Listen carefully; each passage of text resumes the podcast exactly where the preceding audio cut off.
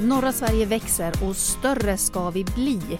Och med det så kommer frågan hur vi ska växa hållbart och hur vi ska skapa samhällen som människor faktiskt vill bo i. Och ett samhälle är så mycket mer än de tekniska innovationerna som batterifabriker och fossilfritt stål. Det krävs sociala innovationer för att faktiskt ta hand om människan i samhället. Idag spelar vi in från Mötesplats Social Innovation på Väven i Umeå. Och med mig för att prata om hur social innovation kan bidra till ett hållbart samhälle, men också om riskerna med att växa för fort, har jag Malin Lindberg som är professor i genus och teknik vid Luleå tekniska universitet och som forskar om just social innovation. Och Dieter Müller, vice rektor på Umeå universitet, professor i kulturgeografi och ansvarig för universitetets roll i den pågående samhällsomvandlingen. Malin och Dieter, välkomna till Människor med mod. Tack så mycket. Tack så mycket. Eh, social innovation, eh, Dieter om du skulle beskriva det, hur, vad är det då? Ja, det var en komplex fråga. Eh, det finns naturligtvis många olika typer av, av uh, definitioner. För, för mig själv är det ju så att, uh, att, när man tänker på innovation, jag tror majoriteten tänker alltid på de stora upptäckter som är någon teknisk innovation och så vidare. Och det är naturligtvis också innovationer, men samtidigt, de skulle sannerligen inte fungera om vi inte skulle också lösa de bekymren som vi har i vår vardagsliv och som behöver hanteras lika, lika mycket. Och som ofta också alltså en förutsättning att vi hanterar ja, sociala frågor och sociala innovationer, och vi har sociala innovationer, skulle jag vilja hävda är ibland också en förutsättning att vi överhuvudtaget kan implementera tekniska innovationer. För någonstans måste, alltså vi arbetar inte bara, utan vi har ett privatliv, vi har liksom andra människor att ta hand om och det måste helt enkelt också fungera. Och, och det området skulle jag säga, där, där kan det finnas sociala innovationer och det är sådana som kanske inte alla gånger uppmärksammas. De eh, får inte patent, eh, utan de finns bara där ibland. Och frågan är hur man kan understödja dem så att de verkligen fungerar, de är meningsfulla för människor och liksom gör det enklare att komma igenom vardagen. En, ett försök till en definition i alla fall. Jag vet inte vad Malin säger det, om detta, hon är mycket bättre på det. där. Jag tycker vi är bra på olika sätt. Men jag tänker att sociala innovationer också, i alla fall när de vad ska säga, har lyckats och blivit en del i samhället, kan vara väldigt stora. Alltså hela mm. vårt välfärdssamhälle mm. byggdes ju av, kanske inte en enda stor social mm. innovation, mm. men många små sociala mm. innovationer och fortsätter så. Så på ett sätt skulle man kunna påstå att hela dagens samhälle är byggt från sociala innovationer, ja. om man tar bort det, då, det tekniska. Liksom. Det handlar ju mycket om hur ja, men våra välfärdslösningar, eh, hur vi bor, hur vi mm. lever, hur vi umgås, liksom, hur vi tar hand om våra barn. Alltså mycket sånt är ju liksom att det på en gång har det varit nytt. Sen integreras i samhället och blir till något naturligt och så ser vi inte längre, vi tar det lite för givet och mm, tänker mm. inte längre att det är en innovation.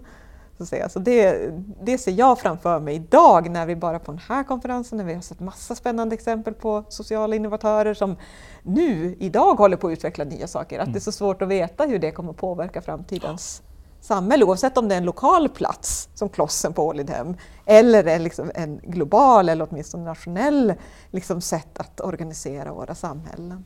Mm. För just nu så vi spelar in det här på P5 i Umeå där eh, konferensen Mötesplats social innovation pågår. Eh, kan ni berätta lite grann vad det är ni pratar om här idag? Dieter? Ja, alltså det, det som Malin redan var inne på, det är en återkommande årlig konferens som vi, Umeå universitet och LTU tillsammans organiserar med, med äh, i Västra Norrbotten och, och diverse finansiärer. Eh, och eh, den behandlar olika typer av sociala utmaningar som vi helt enkelt ser. Och idag, eh, för dagens konferens, så är fokus på att skapa det attraktiva samhället. Alltså att hur, eller hur vi kan skapa ett attraktivt samhälle. Som då inte bara är ett samhälle som har arbetsplatser utan där det helt enkelt också behöver hittas lösningar för ja, det sociala livet. I synnerhet i en situation där, där kanske många flyttar in som inte har nätverk, som inte liksom är kopplade till platsen eh, och där det uppstår en hel del utmaningar. Eller också med de personerna som inte hänger med i boomen av någon anledning. Har inte de medel eller förmågor att, att kunna ta del av det. Och, och lämnas kanske efter. Eller, ja. Och då liksom, hur kan man hantera den typen av utmaningar? Det är sådana teman som, som diskuteras. Mm. Men eh, vad tänker ni då? Vi står ju inför väldigt många olika utmaningar i samhället just nu. Här i norra Sverige så ska vi växa enormt och eh, målet är att det ska ske hållbart. Ehm, vi har klimatkris, vi har, vi har diverse olika saker runt mm. omkring oss.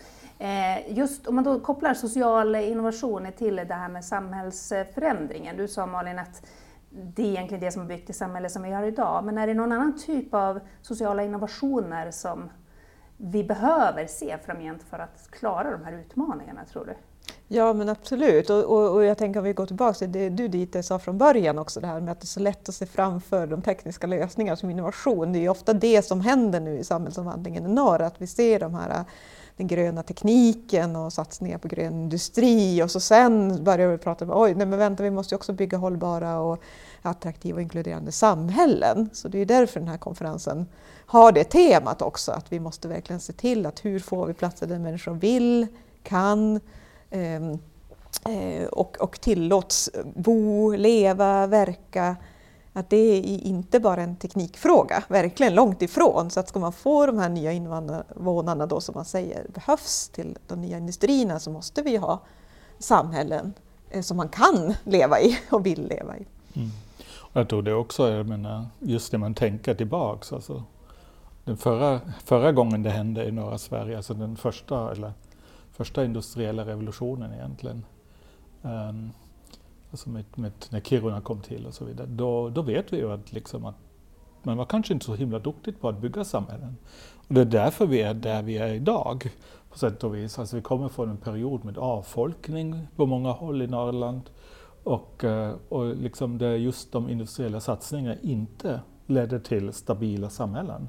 Utan där man ja, steg upp och föll med, med enskilda industrier och var väldigt uh, utsatt för ekonomiska cykler och, och strukturrationaliseringar. Och sen liksom, då blev det inte så mycket hållbart, skulle man säga idag, av de samhällena. Utan tvärtom har vi ju sett ganska rejäla nedgångar på, på många håll i norra Sverige. Så jag tror det liksom, vi ska ju ge oss chansen att göra det bättre den här gången. Så, så utifrån ett sådant perspektiv tycker jag det är viktigt att, att, diskutera helt enkelt. Hur kan man göra bättre än, än det var förra gången? Hur ska så vi att, göra att effekter också är långsiktiga och positiva. Hur ska vi göra det då? Ja, det, det där ska ju diskuteras. om, ni, om ni får spekulera här nu då, i podden, hur, hur ska vi bygga ett mer hållbart samhälle? Utifrån den sociala aspekten. Alltså, jag tror det finns olika dimensioner i det. Om jag lägger lite ett, ett, eh, då en utmaning idag är att man förväntar sig väldigt mycket av de lokalsamhällena själva som ska lösa allting. Men vi vet att det finns nationella system eh, och eh, ja, delvis internationella system som påverkar detta. Alltså vi pratar idag om att det ska växa snabbt, eh, men det förutsätter att eh, folk faktiskt kan komma in i Sverige. Vilket inte är så givet längre som vi vet. Eh, alltså, och, och, och där det liksom är mycket är också så att alla de Alltså det är stora kostnader i att bygga upp samhällen och, och där det också är så att kommunerna själva behöver bära det ekonomiska ansvaret idag, vilket är väldigt utmanande.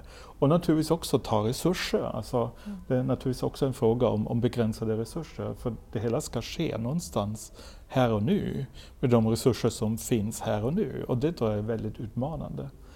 Hur vi ska göra det, det är naturligtvis den stora, den stora frågan och det, alltså därför finns det en del forskningsprojekt som är pågående men som kanske inte riktigt har kommit fram till den slutgiltiga lösningen. Däremot eh, då liksom finns det en, det som Malin sa redan tidigare, en tydlig idé om att, att man behöver liksom jobba tidigt med att verkligen också skapa en meningsfull sammanhang för de människor som, som man förväntas locka till sig. Eh, då annars eh, är de kanske inte särskilt långvariga. Mm. Och jag tycker att det finns en dubbelhet i, i, i det också. Som, som, å ena sidan social innovation handlar ju ofta om ja, men gräsrotsinitiativ och vi har människor mm. som går samman och mm. försöker förändra sin tillvaro eller sin plats eller liksom eh, någon annan typ av, av, verksamhet för att skapa någonting nytt. Liksom. Och då är man ju inte så i första stadiet kanske beroende av vad säger stat mm. liksom, mm. eller ens vad kommunen. Liksom. Men å andra sidan för att få det hållbart så kan man vara väldigt beroende av hur de strukturerna mm. ser ut. Och det finns ju också en diskussion i vilken mån är det så att staten kan luta sig tillbaka och säga att ja, det här får nu civilsamhället lösa eller det här får människor lösa lite själva. Liksom att nästan det blir liksom ett väktarsamhälle på något sätt. Att skuggväktarstat. Och att, och att, eh, då kan det vara så att man säger att social innovation kanske snarare skapar då dimridåer för det staten egentligen borde ta hand om eller ansvarig för att till exempel se till att alla, alla människor kan äta sig mätta, att man har en skälig levnadsnivå, att man har utbildning i meningsfull vardag. Så det finns som en spänning i social innovation genom å ena sidan så behöver ju det offentliga, mm. liksom, som själv har byggt på sociala innovationer och utvecklas och fortsätter bygga på det, ta sitt ansvar utifrån skattebetalare, skattesystemet liksom, som vi har och liknande. Å andra sidan verkligen ge utrymme för de innovativa initiativen mm, mm. lokalt, att man ofta ser vad, mm. vad är utmaningen, vad skulle vi kunna behöva för det här. Jag tror idag är det väldigt slumpartat. Då. Alltså man brukar ibland säga att när man tittar på innovationer i största allmänhet, man anser alltid städerna är de innovativa miljöer. Men de facto vet vi mycket på den sociala sidan. Då konsumerar man tjänster i urbana rum mm. som inte finns i glesbygd och landsbygd och mindre, mindre orter. Då måste man fixa själv. Mm. Så alltså det, det, finns ju liksom den där, den, där, den där nödvändigheten att göra det hela tiden också. Uh, jag tror i synnerhet i, i, i norra Sverige, alltså som kräver egentligen ganska stor innovationskraft hos alla som bor här egentligen. Så det är liksom den där spänningen mellan vem gör vad, tycker jag, den är ganska intressant. Där, va? Mm. För men om vi tittar på de stora innovationerna, kanske, eller stora, jag vet inte om det är stora, men viktiga innovationer som menar, alltså saker som föräldrapenning eller så. Ja. Eh, då är det väldigt avgörande att, eh, mm. att folk, eller, eller dagis, folk överhuvudtaget, att vi överhuvudtaget har den arbetskraften som vi har idag till förfogande. Mm. Annars skulle hälften av befolkningen sitta hemma och vakta barn mm. eller äldre. Mm. Alltså där, där liksom, och där, där ser man ju den där institutionaliseringen mm. där staten har gått in och reglerat, eller olika parter i det. Mm. Samhället har reglerat det. Och det tror jag liksom någonstans, alltså, så på så vis är det i det här samspelet mellan det, det privata initiativet det lill, i den lilla skalan. Men sen som du var inne på också Malin, ska behöva, behöver det skalas upp då måste nog den offentliga sektorn också ta en viktig roll. Mm. Tror jag. Mm. Men varför rent generellt då i samhällsdebatten pratar vi mer om teknisk och industriell revolution än den sociala? Eller inte revolution, innovation ska jag säga, eh, än den sociala innovationen? Ja, jag vet egentligen inte om man pratar eh, mer om det. Explicit pratar man ju mer om det såklart. Men eh, implicit tycker jag faktiskt att samhällsdebatten handlar jättemycket om hur skapar vi liksom samhällen där vi vill leva. Sen är det vissa sammanhang när man pratar just samhällsomvandlingen i norr som det lätt hamnar in på det. Men det är ju mycket, alltså jag har ju själv tittat bakåt i, i vad ska jag säga, teknik och innovationshistorien med hjälp av andra forskare som har, som har studerat det både internationellt och i Sverige och det man såg var ju där att det var ju mycket efter eh, andra världskriget. Att då när man skulle börja bygga upp samhällen igen och, och, eh, även om Sverige inte var så drabbat av andra världskriget så var det ändå så att man, det var en industriell expansion. Och då blev det mycket teknikfokus vilket i sin tur ledde till då universitetens och lärosätenas instiftande av sina liksom, innovationsstödsystem och, liksom, och det är där mycket av innovationsforskningen kommer ifrån. Så det har liksom levt kvar sedan dess där fokus på väldigt mycket teknik. Men tittar man längre tillbaka i tiden så var det ju inte alls där man började i sådana mm. sammanhang man började prata innovation. Det var ju mycket mer i religiösa sammanhang, de som sattes upp mot kyrkans ordning sades hålla på med innovation.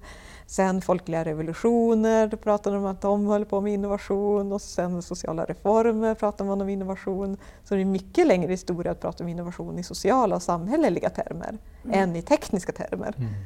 Men vi är ju alltid så, vi ser ju bara här och nu så man glömmer bort historien. Ja, det är intressant för jag tror liksom idag kopplas ju gärna innovation till tillväxt. Ja. Och då hamnar man i den där tekniska sidan. Mm. Även, även jag skulle säga, även det är nonsens egentligen. För den sociala innovationen är lika viktig för tillväxt egentligen mm. som den tekniska. Bara den liksom, så att säga fixa den andra sidan av myntet. Så att Ja. säga. Alltså det måste också finnas det utrymmet för att kunna skapa tekniska innovationer genom att skapa sociala innovationer någonstans. Mm. Men jag tror det är liksom väldigt mycket därför mycket av fokus kanske har riktats på de tekniska innovationerna, för man förväntar sig hela tiden tillväxt.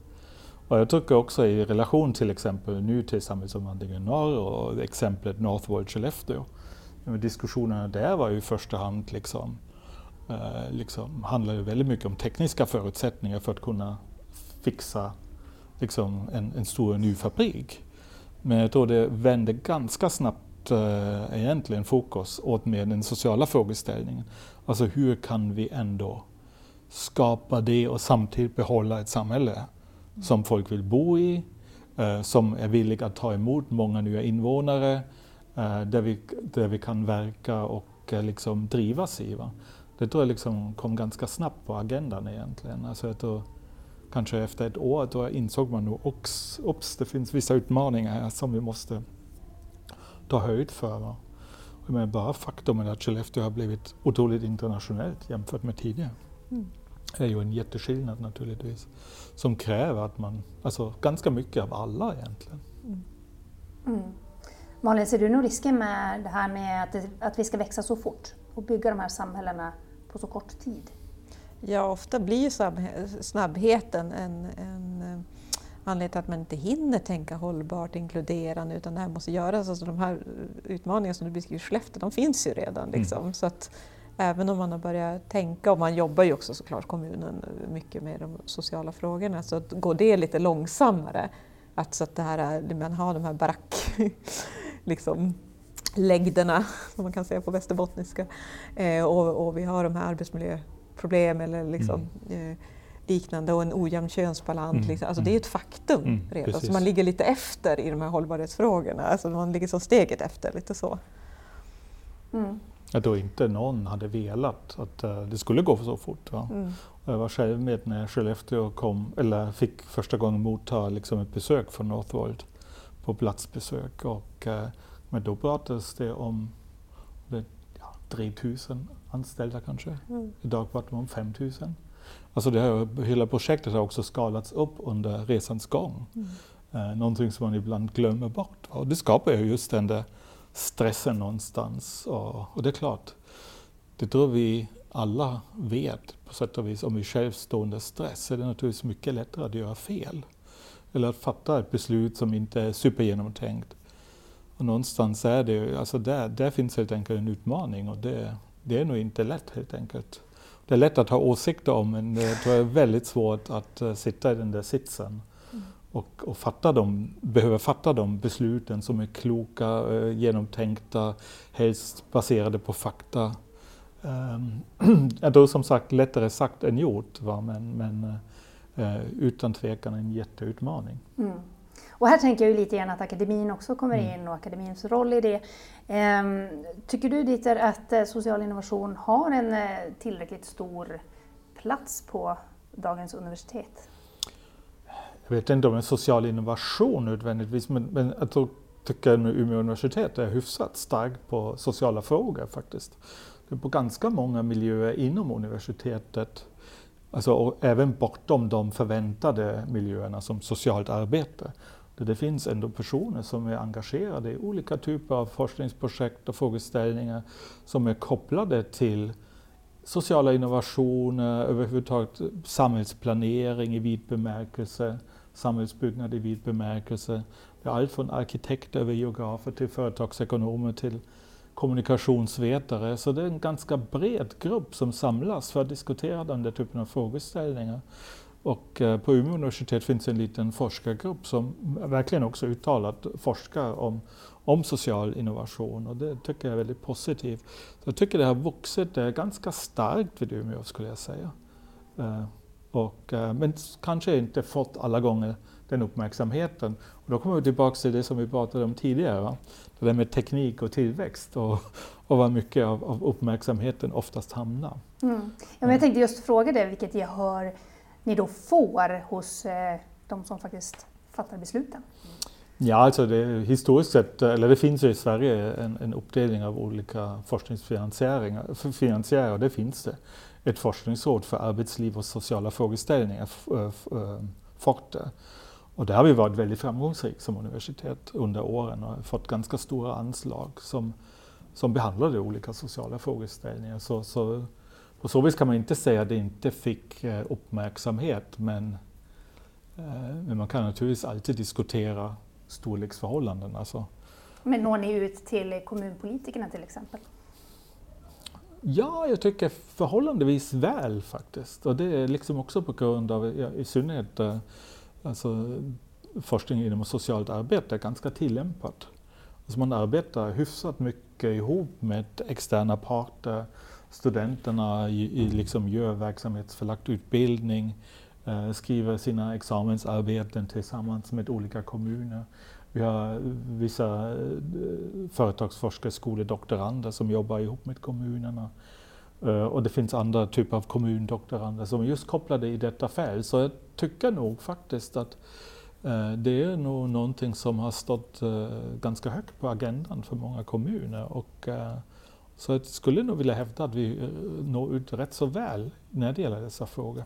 Mm. Malin, du tillhör ju Luleå tekniska universitet. Hur upplever du att vad har social innovation för status på Luleå tekniska universitet? Ja, nej, som på många universitet så är det ett starkt växande intresse för samhällsfrågor nu. Eller det har ju alltid varit intresse för samhällsfrågor men att man ser det här med hållbarhet och samhällsutmaningar, att de ser tekniken som en del i det. Ehm, men vi som dit är inne på, alltså humanistisk och samhällsvetenskaplig forskning engagerar sig ju ofta liksom mer uttalat i vad ska jag säga, samhällsutmaningar, typen liksom ohälsa eller arbetslöshet eller liksom bostads... Liksom, frågan på ett mer socialt plan kanske. Men jag intresserar mig för hur universitet och lärosäten generellt eh, ser på sin roll i innovation. Och du var inne på forskning, att man mm. forskar om samhällsrelevanta frågor. Där kan man ju fråga sig, vem forskar man med? Vi vet ju att det är olika trösklar in till universiteten, inte bara för de som pluggar där eller jobbar där, utan även för de som samverkar med universiteten. Att det är mycket stora organisationer, ja, men det kan vara kommuner, regioner, mm. företag, medan civilsamhällesaktörer har svårare mm. att få till samverkan kring sina frågor och få in det i forskningen till exempel. Och där har vi då AIM Day som jag tycker är ett intressant format som man har mm. testat i Umeå. Ja, men berätta gärna mer om det. Ja, AIM Day är ett, egentligen ett koncept som utvecklades vid Uppsala universitet men som går ut på att man bjuder in samhällsaktörer som får ta sig med sig mina, sina frågor mm. och sina utmaningar. Och sen så matchas man ihop med en liten grupp forskare som man tänker, ja men de här skulle du nog kunna mm. ha. Så får man ses då under en dag och diskutera sina frågor, bolla sina frågor med forskare och se. Det kan ju leda till samarbeten, nya forskningsprojekt eller att man faktiskt eh, hittar någon väg framåt i det, det mötet. Så det tycker jag är jättespännande och i Umeå vet jag att man har gjort det på temat bland annat social innovation, hållbarhet. Ja, vi gör det mm. regelbundet egentligen eh, varje år, en, två gånger. Mm. Väldigt populärt, eh, kul skulle ja. jag säga personligen. Ja. Uh, och precis som Malin beskriver, det, liksom, det blir spännande möten och mm. det leder ibland till nya projekt, ibland uh, liksom går man bara därifrån som lite smartare. Mm. Uh, båda sidor. Precis. Och det är också nyttigt. Mm. Och på sätt och vis är det ju oftast, alltså, då liksom idag finns det en insikt om att vi behöver ha den där typen av plattform där folk från in, innanför och utanför akademin kan mötas och helt enkelt diskutera frågor. Och jag brukar säga att det är mycket att lära, och, alltså, och även för akademiker, från den erfarenheten som finns utanför akademin. Och, och, det tror jag liksom den, den poletten har nog trillat ner hos väldigt många. I synnerhet inom samhällsvetenskap och humaniora. Har det börjat luckras upp lite grann de här jag skulle inte kalla det murar, men ändå lite väggarna mellan akademi och civilsamhälle? Eller? Ja, alltså, jag tror som, som Malin var inne på att civilsamhälle, alltså just de små organisationerna, de har svårt helt enkelt. Det är en resursfråga. De har inte resurser, alltså tid och, och ork och kraft att, att, att äh, engagera sig delvis. Och, och jag menar, delvis gäller det också för universitet. Jag menar, våra anställda sitter också där med undervisning och olika uppgifter som de ska utföra och det är också någonstans bland allt detta ska det rymmas att ytterligare göra en, ett, alltså en aktivitet tillsammans med externa parter och, och hitta på nya saker. Och så, så det är liksom, på så vis är universiteten kanske, men vi är stora kolosser kan man tycka, men där blir vi plötsligt väldigt små, alltså för vi har inte riktigt de fria resurser på samma sätt för att kunna, alltså för att kunna engagera oss i den där typen av frågor. Då många vill det, men det finns också många som inte helt enkelt tidsmässigt inte hinner med det. Eh, där måste man då också vara ärlig. Så, så på så vis kommer vi som universiteten inte nödvändigtvis alltid att revolutionera eh, världen i, i, alla avseenden här. Utan, utan vi gör det utifrån de villkoren och de, de resurser vi har, så gott vi kan.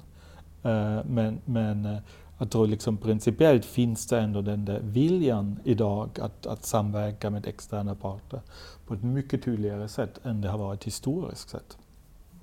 Men ni, vid både Luleå eh, tekniska universitet och eh, Umeå universitet så finns det regionala noder eh, för social innovation. Är det sådana här frågor ni jobbar med där eller vad, vad gör ni inom de noderna? Så att säga? Ja, men ska jag börja? Eh, precis, Mötesplats social innovation eh, bildades som en nationell nod 2010 eh, som var sätet vid Malmö universitet. Sen har de jobbat över hela landet. Så att säga. Men sen för några år sedan så bildade mm. vi regionala noder. Även om vi har haft engagerade forskare och innovationsfrämjare och samverkansaktörer från lärosätena med från hela landet så har, nu blev det liksom formaliserat. Så LTU har fått, eller fått, vi har initierat en mm. regional nod. Umeå har gjort likadant. Och där, eh, jag är ju med som forskare så att säga, så jag jobbar ju inte för, för själva noden eh, som, som facilitator så att säga. Men tanken är ju att det ska vara en, ehm, en, en, vad ska jag säga, en kunskapsnod där man kan både utbyta erfarenheter, man kan samverka över, precis som vi var inne på nu, akademi, civilsamhälle, offentlig sektor, näringsliv, att skapa, att facilitera den. För att de ytorna inte alltid finns där naturligt.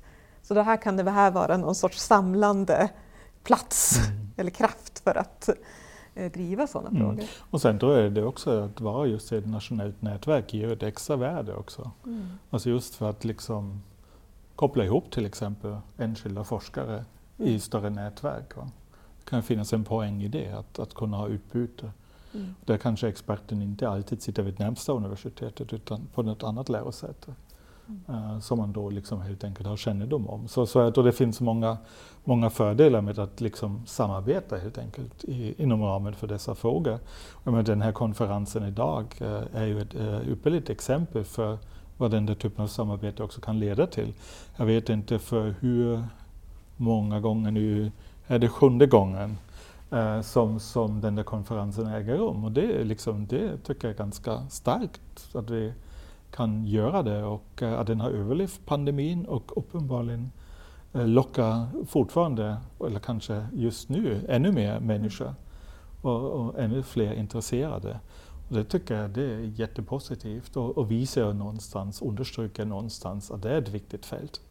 Och, och eh, jag menar dagar som, som idag, det understryker också liksom då, eller skapar också en intern vilja att fortsätta satsa på detta området. Mm. Och precis exempel på sådana här mötesplats. Ja. Det är forskare här, det är civilsamhällesaktörer ja, här, det är kommunföreträdare med mera, med flera, ja, med flera. Ja. Jag tror vi gör ganska mycket idag i den där riktningen, alltså betydligt mer än tidigare. På Umeå universitet ska vi nu också, vi har alltså en liten aktivitetsserie som vi kallar för Perspective som just eh, syftar på att liksom, ja, få ihop mer diskussion runt olika typer av frågor. Och i, i år har vi just fokuserat på, på eh, samhällsomvandlingen i norr och vi ska avsluta det hela också med en sån två dagars event i slutet av eh, november och början av december. Helt enkelt för att kunna diskutera den där typen av frågor, inte bara internt inom universitetet utan också med, med externa eh, aktörer. Och på sätt och vis, jag tror det ligger lite grann, jag brukar säga det här, i de norrländska universitetens DNA. För vi kom till med detta uppdraget någonstans. Och, jag tror alla, alla vet att universiteten är inblandade i alla möjliga frågeställningar. Och förväntas också, det finns stora förväntningar på universitetet. Och jag tror liksom, någonstans har vi en, åtminstone en ambition att, uh, att hjälpa till i, i vissa typer av, av eh, utmaningar med, med kunskap i alla fall. Vi är inte så handfasta och vägställa. Men, men vi kan vara en kunskapsbank och, och vi kan försöka också skapa ny kunskap runt de frågor som, som vi ser är aktuella idag. Mm. Avslutningsvis eh, Malin, vad, tar du med dig av en dag som den här? En sån här konferens? Ja, men jag älskar ju alla de här exemplen.